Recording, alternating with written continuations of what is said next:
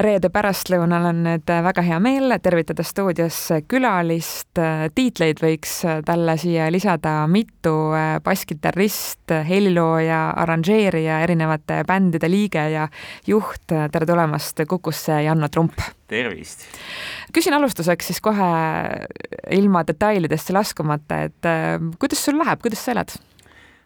tänan küsimast, väga hästi Äh, ma olen tegelikult kogu aeg öelnud vist kõigile alati, et väga hästi, sest tegelikult äh, lähebki hästi, vaatamata kõigele igasugustele hullustele, mis äh, samal ajal maailmas toimub, siis tegelikult meil siin Eesti muusikutel ei ole ju otseselt põhjust väga elu üle kurta ja, ja nii ka minul no üks äh, teema, millest ei saa üle ega ümber siin, kui on äh, märts kaks tuhat kakskümmend kolm ja kui sinu tegemistest või kõige nähtavamatest äh, tegemistest rääkida, siis nagu paljud muud inimesed, vaatasin minagi pühapäeval Kanal kahest uut siis teleshow'd, telemängu, telemuusikasaadet ja mida ma näen, seal on väga äge stuudiobänd ja stuudiobändi juhib Janno Trump. et alustame üldse sellest kuidas käib äh, see, et äh, noh, muusikuid on ju Eestis palju, bände on palju, kuidas käib see, et ühel hetkel sa oledki seal ja, ja sa juhidki seda suure show bändi? Ma ei oskagi öelda täpselt, kuidas see asi nagu käib, aga, aga. sa ei saatnud ise selliseid äh, pikki pommitavaid email'e tootjatele? CV ei saatmata seekord, ütleme jah. et äh, pigem ikkagi tuleb äh, oodata seda kõnet, kui, kui sellist bändi sellisesse konteksti on vaja. ja, ja loomulikult ma olen väga õnnelik, kui see kõne tuleb just mulle.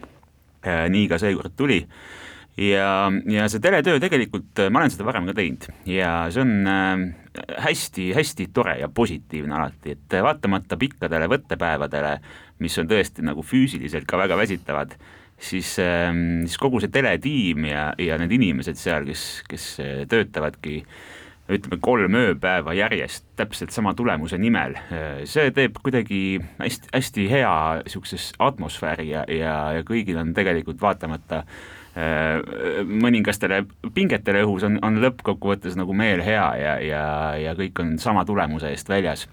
ja, ja see on tõesti hästi-hästi tore protseduur alati läbida ja seda enam, kui bändikaaslased on veel nagu Eesti parimad muusikud, nii et see lisab sellele asjale veel kõvasti lusti juurde no see saade, millest äh, me räägime, kannab siis pealkirja Tähtede täht ja kui lühidalt kokku võtta, siis kontseptsioon on see, et seal on äh, kaheksa väga erinevat lauljat ja nad siis igal pühapäeval võistlevad omavahel ja seda täiesti erinevas äh, muusikastiilis. esimene oli diskomuusika saat-, saade, siis seitsmekümnendate diskomuusika. kuidas see laulude valik käib, kas sina bändi juhina saad seal öelda sõna sekka, kas artistid ise tahavad väga teadlikult valida või tuleb hoopis tähtis produtsendi onu, tal on juba nimekiri välja prinditud ja keegi ei saa seal äh, midagi muuta? no see esimene impulss ikkagi, ma usun, et tuleb lauljatelt endilt, et äh, kedagi ju ei sunnita laulma lugu, mis talle üldse ei meeldi, et äh, siis oleks see tulemus ka lihtsalt ju koheselt nagu üsna kesine nii et kuna, kuna me oleme seal kõik ikkagi hea tulemuse eest väljas, siis, siis see laul võiks olla kõikidele asjaosalistele nagu meeltmööda. Ja, ja jah, tõesti siis lauljad koos lauluõpetaja Maikeniga. Need laulud üldiselt omavahel kokku lepivad. produtsent saab seal loomulikult sõna sekka öelda, aga ma usun, et selleks isegi ei ole väga põhjust, sest sest need kaheksa osalejat on niivõrd hea muusikamaitsega, et, et seal selles osas ei tohiks küll nagu keegi kahelda. äh, lauljad on tegelikult ju seal ka väga erinevad, näiteks äh, klassikalise koolitusega hääled, äh, kas või Elina Netšajeva ja samas seal kõrval näiteks kogu Eesti rahva poolt palavalt armastatud Peeter Oja, kes on ju siis nii-öelda juba, ma ei kujuta ette, milliste külgede pealt ennast varem näidanud.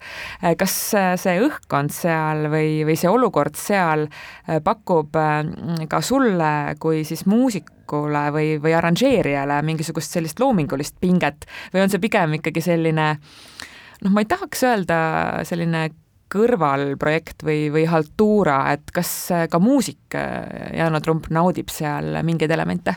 loomulikult naudib, tegelikult ma olen terve elu nautinud äh, väga erinevat mitmekülgset tööd ja, ja see, see elustiil ongi nagu viinud mind väga-väga erinevatesse muusikalistesse, muusikalistesse projektidesse elu jooksul äh, väga erinevatest žanritest, et ma ei taha ennast kunagi lahterdada ainult, ma ei tea, džässmuusikuks, sest ma teen väga hea meelega ka kõike muud ja, ja selle saate positiivne külg minu enda jaoks ongi see, et, et see ei ole väga kindlalt lahterdatud ka ühte sahtlisse, vaid seal tõesti igas saates äh, on täiesti erinev teema, erinev žanr.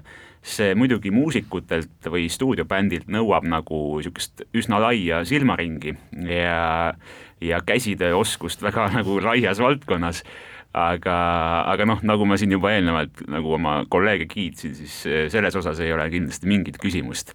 ja, ja ma, ma ise julgen küll väita, et see tegelikult teeb nagu muusiku olukorra ikkagi oluliselt lõbusamaks no sa oled mitu korda siin intervjuus juba hea sõnaga meeles pidanud oma siis bändikaaslasi seal telesaates.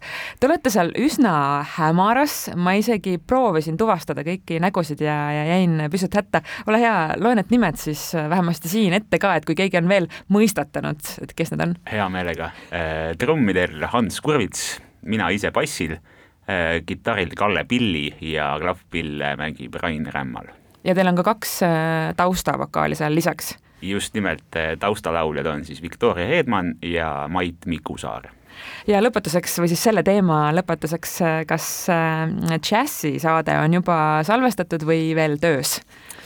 džässisaade on salvestatud ja juba töös nii et ma usun, et ka see oli sinu jaoks siis nii-öelda mitmes mõttes põnev projekt, et sa said nagu nii-öelda olla mõnes mõttes oma koduväljakul ja samas tutvustada siis džässi tohutult avarale äh, telepublikule. jaa, kusjuures peale seda džässisaadet me seal äh, bändimeestega just nagu arutasime, et huvitav, see oli, see oli nagu kõige huvitavam saade, sest meie jaoks oli see kõige lihtsam ja teistele kõige kohutav. kõikidele lauljatele oli see kõige hirmsam ettevõtmine elus ja ma saan aru, et äh, siin vist ka üks telekanal lausa kas on välja kuulutanud või välja kuulutamas sellise uue või sellist uut Eesti laulude konkurssi, et kas näiteks uue popp-hiti või, või sellise estraadi või rokk-hiti kirjutamine, mis oleks tõesti selline haarav kolm minutit, kas see on ka miski, mis sind äh, nii-öelda paneb liikuma?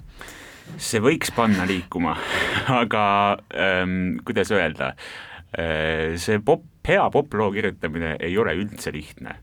mult on seda aeg-ajalt küsitud, et aga miks sa siis Eesti Laulule midagi ei saada näiteks et noh, sa oled ju kirjutanud siin mingeid kümneminutilisi eeposeid kokku, on ju, et, et poleks nagu probleemi, tegelikult on küll, sest see on ikkagi täiesti teine stiil ja see nõuab täiesti teisi teadmisi.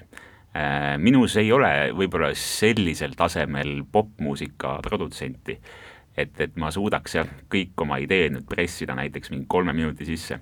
Äh, jah, see on lihtsalt natuke teine maailm kui tohib, Janna, läheks äh, ajas hoopis kaugele-kaugele tagasi ja äh, palun äh, vii nii mind kui ka ma usun kuulajad kurssi sellega, kas vastab tõele, et kui võtta arvesse, millisesse perekonda sa sündisid või millist ametit pidavate inimeste laps sa oled, siis kas sul oli üldse varianti, et sinust saaks midagi muud kui muusik või, või kuidas see kõik sinu lapsepõlves välja nägi? Äh, loomulikult, tegelikult äh, ema ja isa on hoidnud mulle terve elu kõik uksed avatuna ja lasknud minna mul täpselt seda teed, mida ma ise kõige rohkem soovin. Nad on siis ise mõlemad äh, muusika, muusikud nad, ja muusikaõpetajad? Nad on muusikud ja muusikaõpetajad, on olnud terve elu ja on siiamaani. ja noh, loomulikult kasvades üles sellises keskkonnas, see paratamatult natuke suunab ja suunas ka mind kuskil niimoodi kuue-seitsmeaastaselt eh, muusikakooli, kus minu mõlemad vanemad siis parasjagu ka õpetajad olid. Ehm, noh, tegelikult loomulikult ma jõudsin sinna kooli ka oluliselt juba varem, sest ma käisin ja juba kolmeaastasena ilmselt eh, istusin emaga solfitundides kaasas. ja, ja tegelikult ma võin öelda, et eh, juba siis see teema mind kuidagi kõnetas. vaatamata sellele, et ma ei saanud üldse aru, millest seal räägiti või mis seal tegelikult sisuliselt toimus siis äh, miskipärast see oli mulle huvitav, palju huvitavam kui näiteks omaealistega koos kuskil lasteaias aega veeta. et ma pigem olin alati nõus nagu emaga tööle kaasa minema. Ähm, ja kuidagi täiesti loomuliku protsessina hakkasin ma ühel hetkel seal ise muusikat õppima. Hmm,, akordioni erialal siis, akordionit õpetas mulle mu tädi. Et selline mõnus äh, maffia, jah? Maffia on vist õige sõna, jah, muusikamaffia. see kõik muuseas ei toimunud mitte üldse Tallinnas, vaid jaa, Tallinnast natuke väljas, Arukülas, niisugune väike hubane hästi,, hästi-hästi mõnus koht, kus äh, üles kasvada ja, ja kuidas ma ikkagi selle muusiku eriala siis lõpuks valisin, noh, ma lihtsalt sain aru, et, et mulle on ilmselt looduse poolt mingisugused eeldused kaasa antud ja, ja natuke patt oleks jätta neid kasutamata. kuskil puberteedieas loomulikult tulid teised huvid peale. et noh, ikkagi muusikakooli asemel jalgpalliplats tõmbas nagu oluliselt rohkem aga, aga need aastad, kus natukene oli ka võib-olla keeruline ennast nagu sundida muusikat harjutama, need õnneks said mööda ja see huvi ikkagi selle valdkonna vastu ikkagi aina kasvas. ja, ja peale keskkooli lõpetamist siis ma ikkagi otsustasin jah, et, et muusiku elukutse võiks olla see minu jaoks see õige räägi pilli harjutamisest äh, ka natuke, see on alati põnev äh, dilemma või, või põnev teema, et kas kas näiteks ema peaks sundima oma andekat last äh, pilli harjutama, kas see aitab asjale kaasa või vastupidi, tekitab trotsi? see on väga keeruline küsimus. Äh, ma arvan, et kui minu ema ei oleks äh, mind tagant utsitanud näiteks sellesama akordioniga kunagi, siis, siis ma ei tea, kas ma oleks selle muusikakooli kadalipu läbinud. Sest ähm, noh, ema mit, mitte kindlasti kuri käsi, aga käsi, käsi oli seal nagu mängus. et see, et see diplom koju tuua ähm, jah, see on väga keeruline küsimus, väga individuaalne küsimus ilmselt, et kuidas see kellelegi mõjub ähm,. kuna minul see muusikaline tagala, nagu ju öeldud sai, oli nagu nii tugev, siis siis ma ikkagi nagu sealt läbi ennast pusserdasin. Äh, kas sa võtad äh, tänapäeval ka vastu esinemiskutseid, et äh, tule mängi akordionit tead, pean ütlema, et ei võta, sest ma häviksin. seda vist ei ole kellelegi vaja aga kas sa oled või kui tõsiselt sa oled tegelenud või ennast proovile pannud lauljana? vaat siin ma pean ütlema, et kunagi olid ajad, kus ma võib-olla isegi lauljana nägin endal suuremat potentsiaali kui pillimehena, et see oli jah, kuskil seal põhikooli lõpus, keskkooli ajal, kus ma tõesti, ma nautisin laulmist. tegelikult ma naudin siiamaani, aga ma ei tee seda lihtsalt väga, sest ma olen aru saanud, et teised teevad seda palju paremini. Aga, aga ma osalesin jah, tol ajal päris mitmetel lauluvõistlustel ja, ja võitsin mõned neist ka. Ja, ja, ja tegelikult äh, oli variant nagu sinna Otsa kooli poole ka vaadata, just nimelt võib-olla nagu lauluosakonda, aga aga, aga siiski lõppude lõpuks kuidagi ma olen basskitarrist ja see bassimehe loomus on minuga tegelikult terve elu kaasas käinud, see on konkreetne iseloomujoon, bassimees et äh, see, see peidab ennas, peidab endas nagu väga palju selliseid äh, salapäraseid tahke, aga, aga, aga kui vaadata nagu bassimeeste ringkonnas ringi, siis, siis nad kõik on natukene sama masti mehed. Ja, ja ma tundsin ka, et tegelikult ma olen võib-olla seda masti mees äh, kuidas sul on üldse elu jooksul nii praegu kui ka lapsena olnud äh, lood lavanärviga? Ehm, see on ka ilmselt aastatega natukene muutunud, ma mäletan väga selgelt, minnes nüüd jälle sinna kaugesse aega tagasi, kui ma olin kunagi võib-olla teises või kolmandas klassis kuskil akordioni konkursil või arvestusel või, või ma täpselt ei mäletagi, mis, mis asi see oli, ma olin tohutult närvis, ma ei mäleta, mis lugu ma mängisin, aga ma läksin lavale tegin kummarduse, istusin maha ja siis saabus nagu niisugune mustus silme ette, ma ei mäletanud, miks ma seal olen, ma ei mäletanud, miks, mida ma tegema pean, kuidas see lugu käib, mida ma üldse mängima hakkan. siis saal vaikis ja siis lõpuks äh, minu lugupeetud akordiõpetaja ümises mulle kuskilt kardina vahelt niimoodi esimesed read ette ja siis kuidagi sain nagu otsa käima. aga, aga noh, täna selliseid momente enam ei teki, et äh, laval ma ikkagi tunnen ennast pigem väga mugavalt ja, ja see on kindlasti suures osas tänu ähm, väga tugevale lavakogemusele, äh, mida andis mulle näiteks äh, Otsa koolis käimine. ja, ja loomulikult ka sealt edasi, lihtsalt Otsa koolis tekkisid mingisugused tutvused mis aitasid noore muusiku üsna kiiresti lavalaudadele ja noh, nii suurematele kui väiksematele loomulikult. Aga, aga, aga tõesti iga nädal sai kuskil esineda ja, ja noh, järk-järgult see lavanärv ka nagu lahenes aga kuidas on lavanärvi kõrvalt vaadata, kui sa näiteks oletame, oledki bändijuht või äh, ka ise siis äh, pillimehena, bassimehena laval ja, ja solist on siis nii-öelda, ma ei tea, kas rohkem või vähem mingil põhjusel ei tunne ennast nii mugavalt, siis kui palju näiteks bändijuht äh, saab, saab midagi sellises olukorras teha või kui näiteks, ma ei tea, on lausa olukord, et laulja kuidagi nagu tundub, et ei oskagi nagu jätkata või ei tea, ma ei tea, millal alustada või, või mhm. mida teha, et kas sa saad midagi teha? Äh, ma saan kindlasti teha, kui ma olen bändi juht, ma saan lihtsalt olla ise väga rahulik ja, ja see automaatselt sisestab ka kõikidele kaasmuusikutele seda, et kõik on hästi, kõik on korras, me jõuame kõik võiduka lõpuni, keegi kuskile vahepeal maha ei pudene. Ähm, aga see kindlasti toimub ju tegelikult enne lavale jõudmist, see omavaheline kontakti leidmine, niisugune sünergia, äh, see pannakse prooviruumis paika ja, ja kui näiteks mingisuguse projekti raames äh, oletame, et meil on enne kontserti üks proov, siis me saame üksteist tundma selles proovis, see solist näeb, et mina olen väga rahulik inimene ja, ja võib-olla ka vastupidi, ja, ja see võtab juba kõik pinged eos maha, et saagu mis saab, me tuleme sellest välja kas see, et sa ütled ise, et sa oled rahulik inimene, kas see ongi siis sinu selline läbiv iseloomujoon ka nii laval kui ka väljaspool, et ma ei tea, miski sind ju ikka ajab äh, endast välja, ma ei tea, kui kõik noodid kuhugi segi lendavad või kui keegi, ma ei tea, pole üldse harjutanud või, või valmistunud? Ähm,? ma vist ikkagi pean ütlema, et ma olen jah, rahulik inimene, et äh, nii laval kui ka lavalt maas. Äh, ja, ja ka need, ütleme, situatsioonid, mis võib-olla natukene ajavad närvi äh,, no loomulikult neid on, kõigil on ehm, ja minul ka, aga, aga nendest läbi saab tulla ikkagi ainult läbi rahuliku loomuse.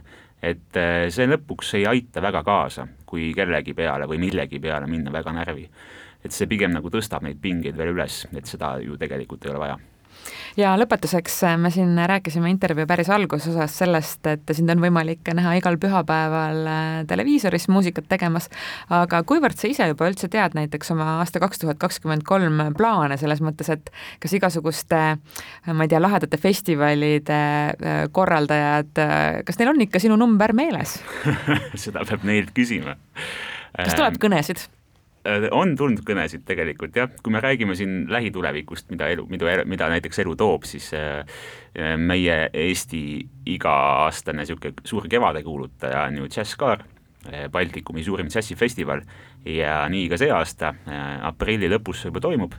Ja astun näiteks sel aastal üles ise kahel korral, kõigepealt Raamoel Tafenau kvartetiga ja seal kahekümne üheksanda aprilli õhtul juba mm, on meil niisugune ühisprojekt nagu Rap and Jazz, mida siis veab eest Raivo Tafenau ja kambas on näiteks Reket ja Nublu ja Villem Trillem, nii et mm, see tuleb kindlasti väga tore niisugune äh, sümbioos suur aitäh, Janno Trump Kuku raadiosse külla tulemast. Janno Trump on siis basskitarrist, helilooja, arranžeerija ja pühapäeviti näeme teda sel kevadel Kanal kahe Tähtede tähtsaate stuudiobändi juhina. aitäh kutsumast! aitäh sulle!